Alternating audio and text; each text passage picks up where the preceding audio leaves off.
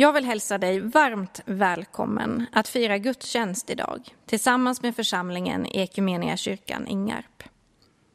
Jag heter Johanna Fredriksson och jag arbetar som pastor och föreståndare i församlingen. I vår gudstjänst idag så kommer vi även att få lyssna till ett inledningsord som läses av Mikael Sigfridsson och vi ska få lyssna till sång och musik med Axel Ingesson och Leif Martinsson. Vi har också glädjen att få lyssna till en gästpredikant idag. Det är Magnus Lindeman från organisationen Ljus i Öster. Och förutom att predika så kommer han också att berätta lite mer för oss om Ljus i Öster och deras verksamhet. Och vi ska även ta upp en kollekt till det här ändamålet. Under det här läsåret så har vi ju ett tema tillsammans med andra församlingar i kyrkan. Temat Till jordens yttersta gräns. Och det innebär att vi bland annat läser oss igenom apostlagärningarna. Och Ljus i Östers arbete passar ju väldigt bra in på det här temat. För det man arbetar med det är som en förlängning av apostlarnas och den tidiga kyrkans mission. Viljan att gå ut, att nå ut, verkligen till jordens yttersta gräns. Och nästa söndag är tanken att vi ska återuppta den här predikoserien och fortsätta läsa Apostlagärningarna från och med kapitel 17. Nu ska vi få inleda vår gudstjänst med att sjunga psalm nummer 15. Halleluja, sjung om Jesus. Och efter det får vi inledningsord och sång.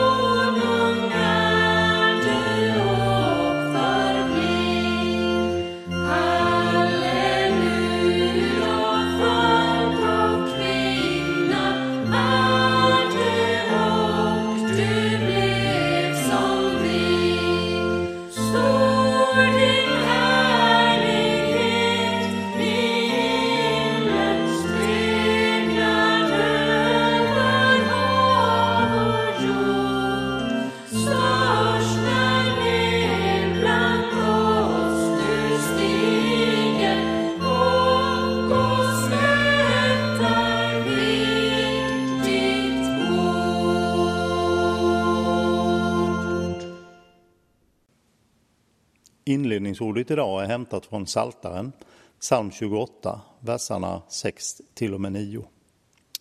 Lovad vara Herren, ty han har hört min bön. Herren är min styrka, min sköld, på honom förtröstar jag.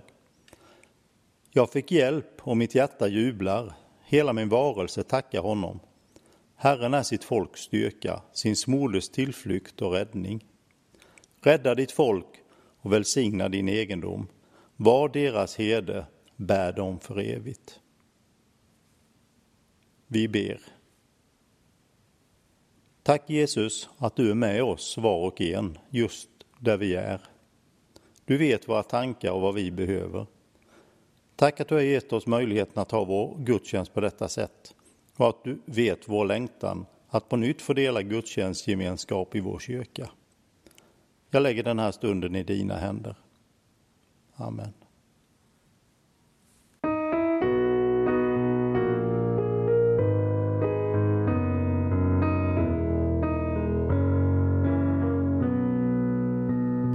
Över berg och dal som en mjuk koral bra sommaren över vårt land.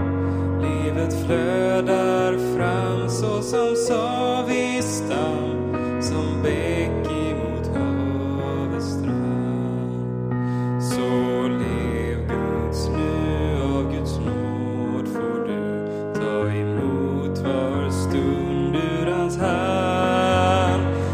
Livet flödar fram så som Savis stam som bäck emot havets strand. Minns att var sekund är en liten stund av evigheten hos Gud. Och när dagen lång du hör fåglars sång hör du himmelens egna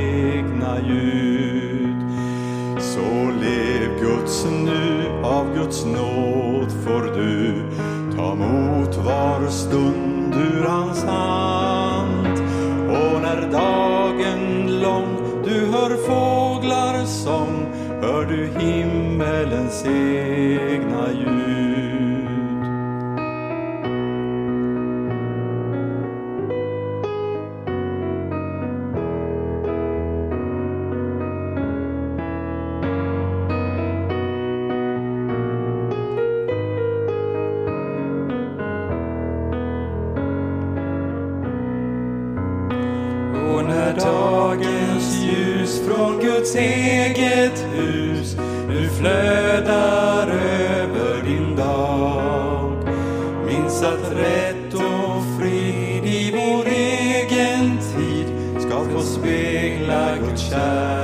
Kärlekslag. Så lev Guds nu, av Guds nåd får du ta emot var stund ur hans hand. Minns att rätt och frid i vår egen tid ska få spegla Guds kärlekslag.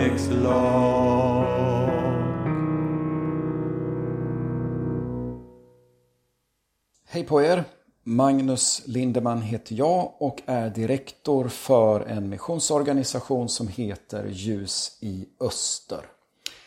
Tanken var att jag skulle komma till er och få dela gudstjänstgemenskapen med er. Men sen har vi då hela situationen med Corona så att då får det bli så här istället. Förhoppningsvis kan jag besöka er vid något annat tillfälle istället. Jag tänkte börja med att berätta lite kort om vår organisation och vår verksamhet. Ljus i Öster är en allkristen missionsorganisation. Det betyder helt enkelt att vi inte är knutna till ett specifikt samfund eller en specifik kyrka utan istället arbetar vi väldigt brett både i Sverige med olika samfund och kyrkor men också ut i vårt målområde där vi också samarbetar med olika kyrkor och samfund. Vår vision i vårt arbete det handlar om att vi vill se till att Jesu kärlek når alla folk. Det är ju så här att vår värld består inte bara av nationer med geografiska gränser såsom Sverige, Norge, Danmark. Utan vår värld består av en mängd olika folkgrupper. En del menar att det finns så många folkgrupper som 17 000. Och av de här folkgrupperna som finns så klassar man fortfarande, hör och häpna, omkring 7000 som onådda folkgrupper. Vad betyder det då att vara en onådd folkgrupp? Jo, det betyder helt enkelt att man inte har evangeliet tillgängligt för sig.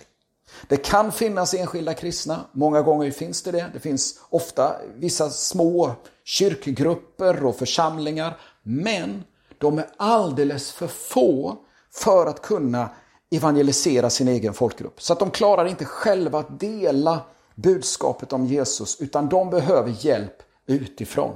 Och det är detta som ligger på vårt hjärta som organisation, att vi vill vara med och stötta upp, hjälpa till så att Jesu kärlek faktiskt når ut till alla folk.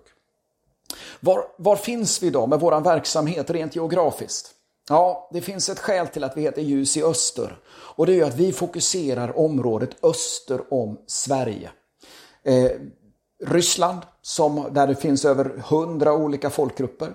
Centralasien, de här stanländerna, Kazakstan, Kirgizistan, eh, Turkmenistan och så vidare. Kina, Mongoliet, Nordkorea, men också Turkiet, Balkan och vissa områden i Kaukasienområdet. Och sen är vi också inne och eh, snuddar, ska jag säga, på vissa områden såsom Afghanistan och Laos. Så det är där som vi rör oss i vår verksamhet. Jag kan tillägga också att vi har funnits med sedan 1903. Så Ljus i Öster är ingen dagslända utan vi har funnits med ett antal år och det tycker vi är en styrka för det visar också att vi har haft en flexibilitet att fortsätta genom åren och också anpassa verksamheten utifrån de behov som finns runt omkring i världen just nu. Vad är det vi jobbar med då? Ja, vi fokuserar ett antal olika saker. Så att bland annat så stöttar vi upp träning, alltså olika bibelskolor i vårt målområde. Vi stöttar bibelöversättningar, eh, bibeldistribution, bibelsmuggling också för den delen. Vi finns med och stöttar vissa kristna tv-program och då handlar det framförallt om eh, turkiska och, och, eh, och andra turkspråk där evangeliet behövs väldigt, väldigt tydligt och där vi är med som en av partnerna i en eh, kristen tv-kanal som heter Kanal Hayat. Eh, vi är också med och stöttar vissa sociala insatser. Så att det är lite eh, olika saker. Men jag skulle säga att den stora biten som vi jobbar med det är att stötta nationella eller inhemska då missionärer. Ljus i Öster sänder inte ut svenska missionärer. Utan istället så stöttar vi via lokala församlingar, via samfund som finns i vårt målområde, så stöttar vi då arbetare som kan gå ut och starta församlingar och berätta om Jesus. Och detta finns ju en otrolig styrka i därför de kan oftast kulturen, de kan ofta språket eller ligger väldigt nära i alla fall till de folkgrupper som då, vi då vill nå med evangeliet. I nuläget så är vi med och stöttar drygt 200 sådana här inhemska nationella missionärer. Och jag brukar säga att det är dessa som är våra hjältar. Det är härifrån vi får de här fantastiska vittnesbörden om vad Gud gör när de får berätta om Jesus och dela evangeliet där de befinner sig. Man kan ju ställa sig frågan då, vad händer i corona eller under corona med vårt arbete? Och jag skulle säga att det fantastiska som vi ser det är ju att genom att vi faktiskt stöttar nationella missionärer så kan de fortsätta. När gränserna stängs så är de kvar. Eh, och de fortsätter med det arbete som de gjorde innan corona. Självklart är det så att vissa har fått isolera sig under vissa perioder när det har varit karantän. Men det vi också har sett det är att nya sätt har kommit fram till hur man evangeliserar. Flera har börjat använda digitala medier. Vi har ett exempel bland annat i Turkiet där vi har en lokal arbetare som vi stöttar som eh, arbetar med två, tre olika små församlingsgrupper som han har startat upp. Eh, en normal söndag innan corona så hade han kanske 30-40 personer som samlades till en gudstjänst. Under corona så börjar man då sända gudstjänsterna på Facebook och nu en vanlig vecka så har man över 300 personer som tittar och tar till sig budskapet om Jesus, vilket är fantastiskt. Vi ser också att flera av våra lokala arbetare har sneglat runt omkring sig och sett nöden som har kommit av corona. Många människor har förlorat sina arbeten. Man har det ekonomiskt tufft. Och så har man försökt att eh, möta dessa behov. Bland annat i Dagestan som är en delrepublik i Ryssland. Vi har omkring 3 miljoner människor där och över 90 procent är muslimer. Där har nöden varit otroligt stor och våra lokala arbetare de har börjat eh, dela ut matpaket som vi då har kunnat stötta och, och, hjälpa till med så att de kan göra detta. Och så har de under den här perioden kunnat hjälpa mellan 500 och 550 familjer som då har fått den här hjälpen, den här sociala hjälpen. Men det de också har märkt det är att genom att de har hjälpt socialt så har människor öppnat sig för evangeliet. Och så har man kunnat dela ut biblar och man har sett åtminstone tre personer komma till tro och man har nu flera personer också som vill börja i, eh, läsa små bibelstudier, eller ha små bibelstudier som de kan ha tillsammans med dem. Så att Gud går fram i Corona, vilket är fantastiskt. Är det så att du skulle vilja veta mer om vår verksamhet så kan du jättegärna söka på Ljus i Öster på Facebook eller på Instagram och så kan du gå in och gilla oss där och följa oss så kan du regelbundet få uppdatering om vad som händer. Vi har också en tidning som kommer ut till de som stöttar våran verksamhet. Är det så också att du skulle vilja ge en gåva till vårt arbete så får du jättegärna göra det. Och Det smidigaste sättet är helt enkelt att swisha då kan du använda följande nummer 900 3625. Alltså 936 25. Eh, och det är faktiskt samma nummer också till vårt bankgiro. 936 25. Och vi är jättetacksamma för varje gåva som kommer in. Är det så också att du vill veta mer så kan du också självklart gå till vår hemsida www.ljusioster.se alltså ljus i öster utan prickar, .se så kan du läsa mer där. Gud välsigne dig. Go tell it on the mountain over the hills and everywhere go Tell it on the mountain that Jesus Christ is born. Go tell it on the mountain over the hills and everywhere go. Tell it on the mountain that Jesus Christ is born. When I was a seeker,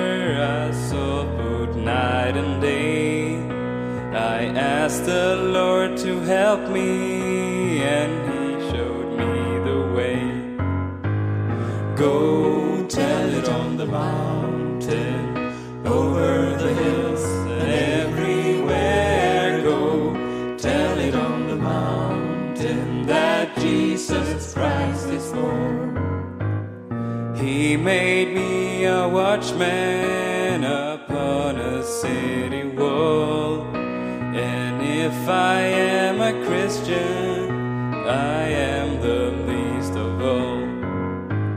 Go tell it on the mountains, over the hills and everywhere go. Tell it on the mountains that Jesus Christ is born.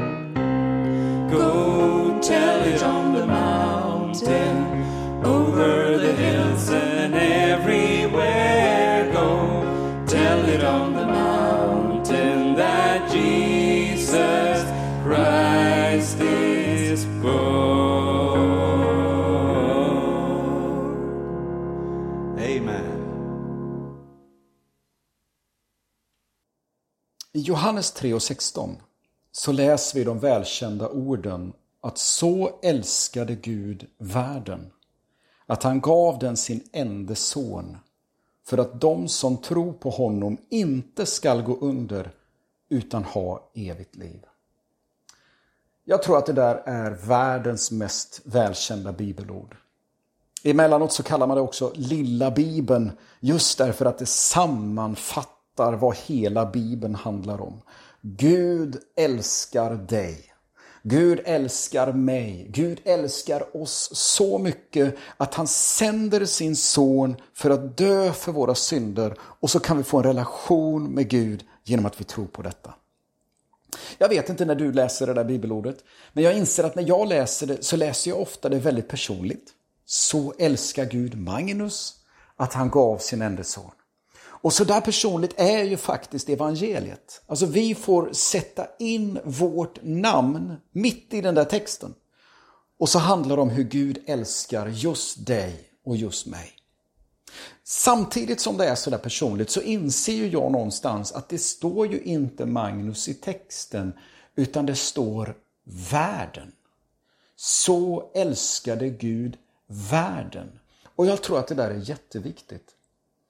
Jag tror att det är viktigt därför att det säger någonting om Guds hjärta. När vi läser hela Bibeln så lägger vi snart märke till att Gud har ett hjärta för hela den här världen. Han vill att alla människor ska få tag på vem han är så att man kan få en upprättad relation med honom. Och det som är viktigt för oss det är ju någonstans att inte förminska den visionen.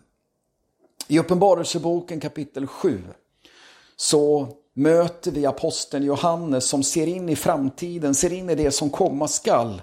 Och så står det i vers 9. Sedan såg jag och se en stor skara som ingen kunde räkna av alla folk och stammar och länder och språk. De stod inför tronen och lammet, klädda i vita kläder med palmkvistar i sina händer. Det Johannes får se det är ju framtiden. Att en dag så kommer vi att mötas i himlen. Och då kommer vi mötas av alla folk, alla stammar, alla länder, alla språk. Och så gör vi det som vi är skapade till att göra. Vi ska tillbe Gud. Det här är framtiden. Det här är Guds vision fullbordad. Hans hjärta för hela världen. En dag så kommer det att vara en verklighet. Men vi väntar ju fortfarande på det här. Vi har inte sett det än. I Matteus kapitel 24 och vers 14 så kan man läsa Jesu ord när han säger att budskapet om riket ska förkunnas i hela världen och bli till ett vittnesbörd för alla folk. Sedan ska slutet komma.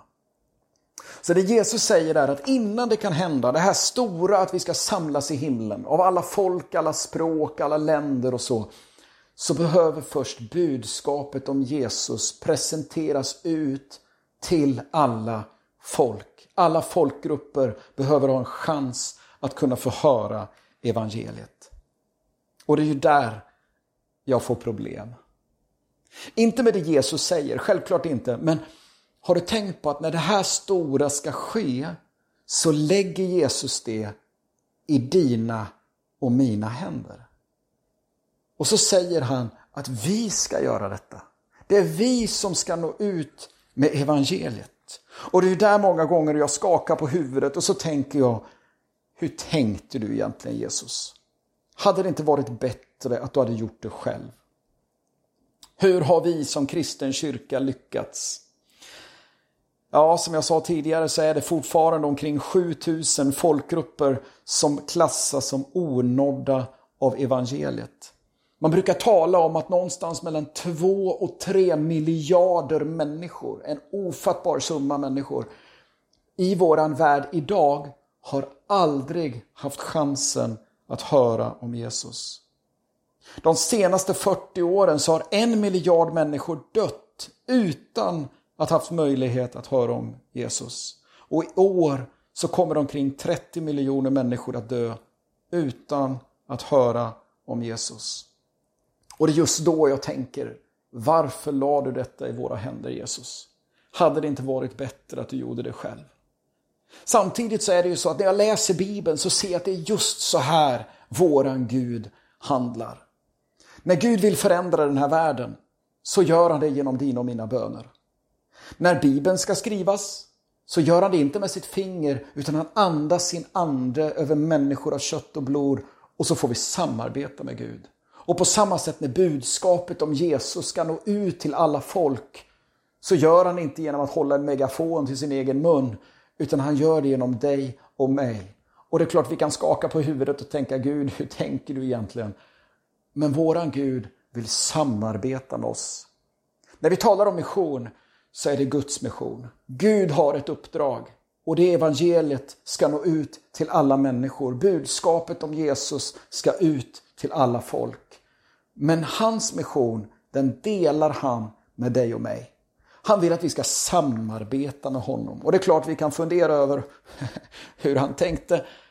Men så gör han, våran Gud. Vad innebär då detta uppdrag för dig och mig idag?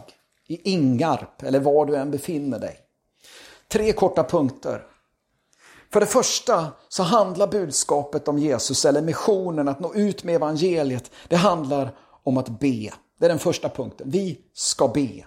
I Matteus kapitel 9 och vers 35 38 så kan man läsa om hur Jesus vandrar omkring i städer och byar i Galileen. Och så ser han människor och så står det att han fylls av medlidande. Varför? Jo, för han ser att människorna är illa medfarna, de är hjälplösa, de är som får utan en hede. Och så drabbas Jesus av medlidande. Och så vänder han sig i sammanhanget till sina lärjungar och så säger han Be därför skördens Herre att han sänder ut arbetare till sin skörd. Mission börjar i bön. Faktum är att det är alltid Gud som sänder människor och vårt engagemang för att Gud ska sända människor handlar om bönen. Jag tror att ett område som vi aktivt behöver väcka upp, det handlar just om bön. Jag lyssnade nyligen på en amerikansk pastor som hänvisar till en rapport där han säger att den genomsnittliga pastorn i USA ber mindre än fyra minuter om dagen. Och jag, jag, jag, vet inte hur han har fått fram den här statistiken, men, men det var ju någon slags rapport. Så omkring fyra minuter i alla fall ber den genomsnittliga pastorn i USA. Och jag, jag blev chockad av det faktiskt. Jag tyckte det lät väldigt, väldigt lite.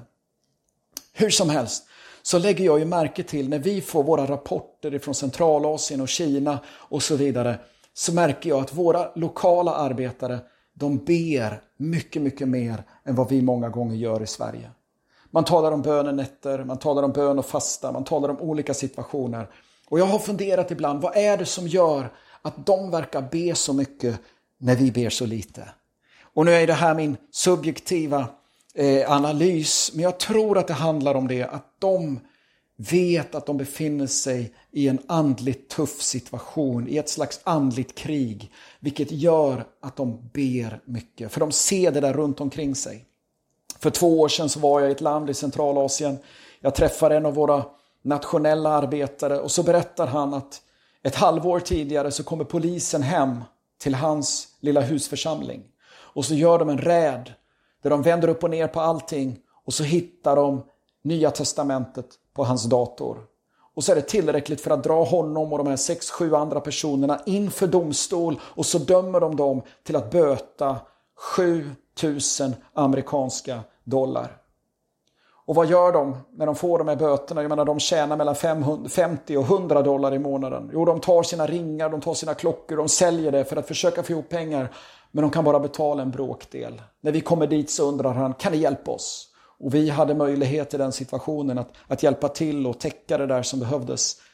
Men det fascinerande, det är när han berättar detta och när han tittar på oss och säger att det här var fjärde gången nu som polisen hade låtit honom böta.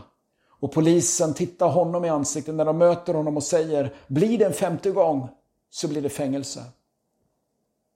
Och så tittar han på oss, så ler han och så säger han vi behöver fortsätta att berätta om Jesus. Vi behöver fortsätta att starta församlingar i det här området därför människor känner inte Jesus.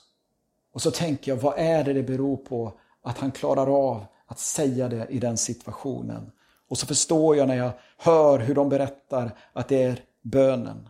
De ber, de söker Gud och Gud ger dem kraft och de ber om arbetare till skörden. Jag tror att det viktiga är att vi förstår att vi också lever i en andlig konfliktsituation i vårt land och vi behöver be. Vi behöver be om arbetare som når ut. För det andra så handlar det också om att ge. Mission handlar om att ge. I Romarbrevet kapitel 10 så säger Paulus att om en människa ska komma till tro så måste han höra evangeliet. Men för att höra evangeliet så behöver någon också förkunna evangeliet. Och för att förkunna evangeliet så måste någon vara sänd. Och själva den här sändningen handlar ju både om att Gud kallar men också att församlingen stöttar och sänder ut. Och där behövs pengar.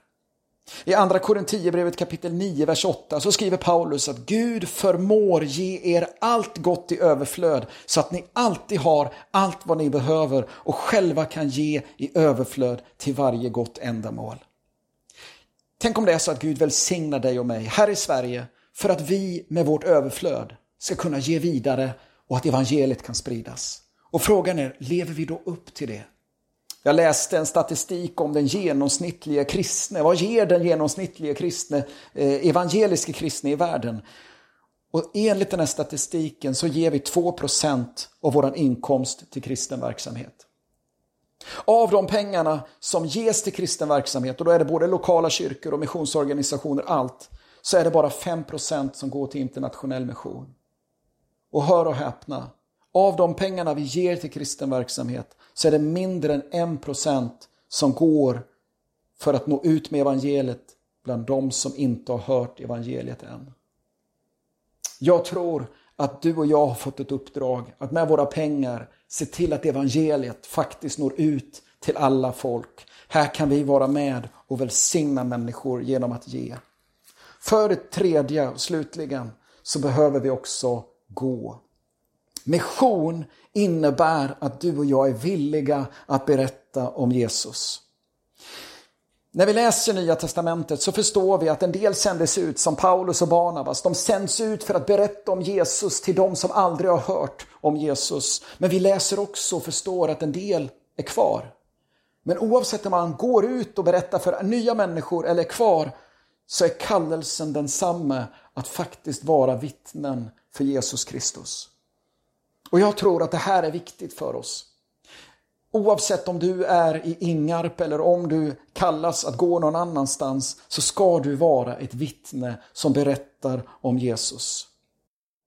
Jag läste vid ett tillfälle en eh, kyrkohistoriker som ska försöka förklara den expansiva tillväxt som sker i den första kristna kyrkan. Där evangeliet sprids runt omkring Medelhavet väldigt, väldigt fort. Och så säger denna mycket, mycket lärde man i sin bok plötsligt att jag kan inte förklara det på ett annat sätt än att se det som ett virus. Och det där kan ju vi förstå just nu i coronatider.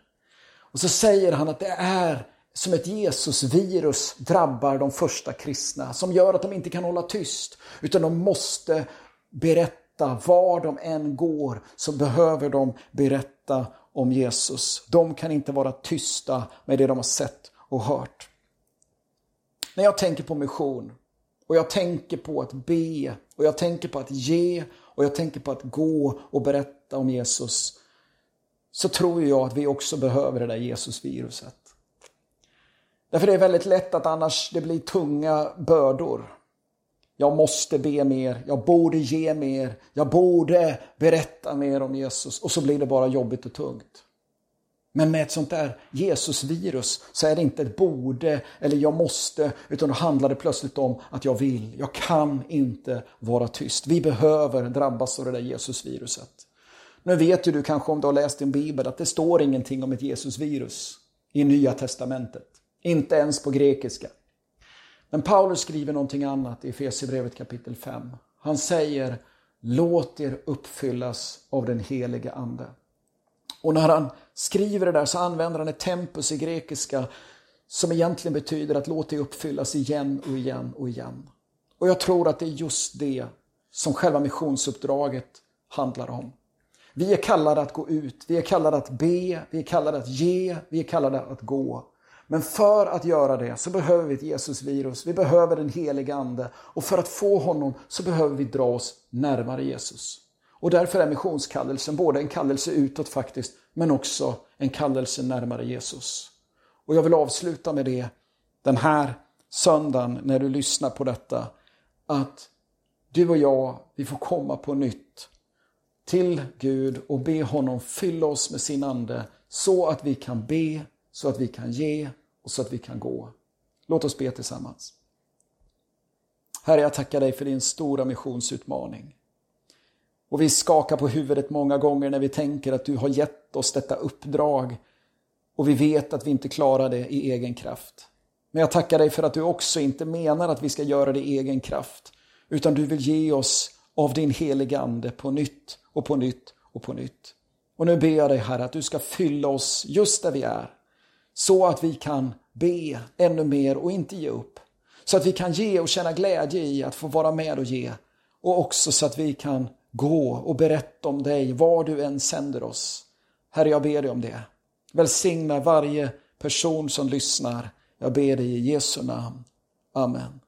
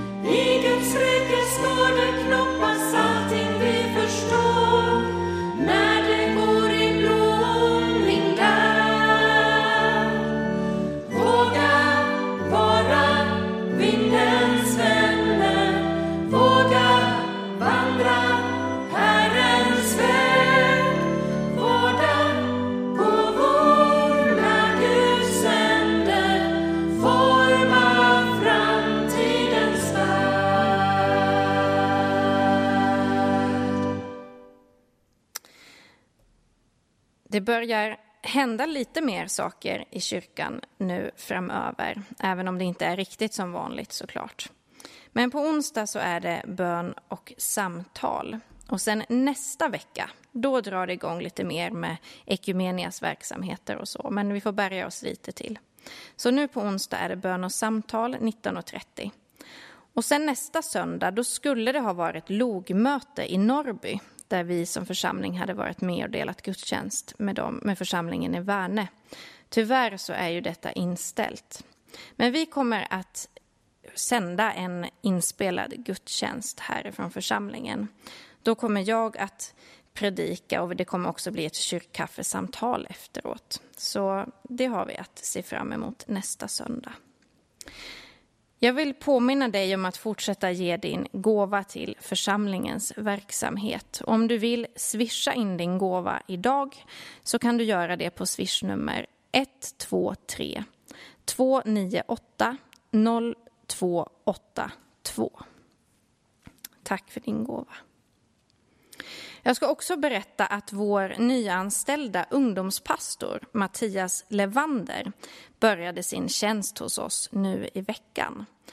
och vi vill såklart hälsa honom varmt välkommen och be om Guds rika välsignelse över honom. Vi tänker att vi kommer att välkomna honom lite mer offentligt och riktigt i en gudstjänst lite längre fram här i höst. Ehm, men jag vill uppmuntra dig att be för honom och be för hans ja, start här i församlingen, att den får bli så bra som det bara kan bli. Vi knäpper händerna och ber. Herre, tack för att vi får mötas i ditt namn. På olika platser och vid olika tider så förenas vi till ett i dig. Tack för det som vi har fått lyssna till idag. Tack för Ljus i Öster och deras verksamhet, deras längtan och kärlek att sträcka sig ut till jordens yttersta gräns och nå dem som ännu inte fått höra det glada budskapet om dig, Jesus Kristus. Vi ber om välsignelse över dem och deras verksamhet. Herre, vi ber också för, för våra verksamheter, det som händer i vår församling, i vår kyrka, i vår bygd. Vi ber för alla som går tillbaka till arbetet nu de här veckorna, att de ska få kraft och glädje i uppgifter och, och stöd och vägledning, kanske utmaningar. Herre, vi ber också för alla barn och unga som går tillbaka till skolor nu i veckan. Vi ber att var, vartenda barn ska få känna sig sett, ska få känna sig trygg och uppmuntrad på skolan. Vi ber för lärare, pedagoger, alla som möter barnen där. Tack för att du är med oss alla, var och en. Ta så emot Guds välsignelse. Herren välsigne dig och bevare dig. Herren låter sitt ansikte lysa över dig och vare dig nådig. Herren vände sitt ansikte till dig och giver dig frid. I Faderns, i Sonens och i den helige Andens namn. Amen.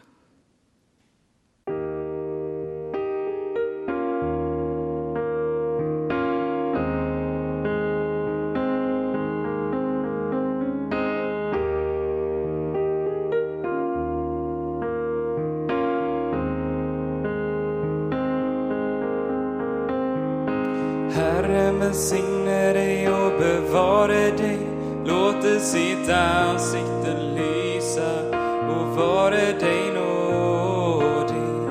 Herren vände sitt ansikte mot dig och giv dig frid.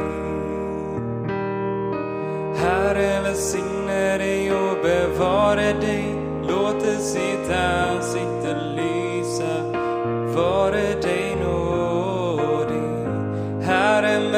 sitt ansikte mot dig och ger dig frid. Han ska ge dig kraft till att leva i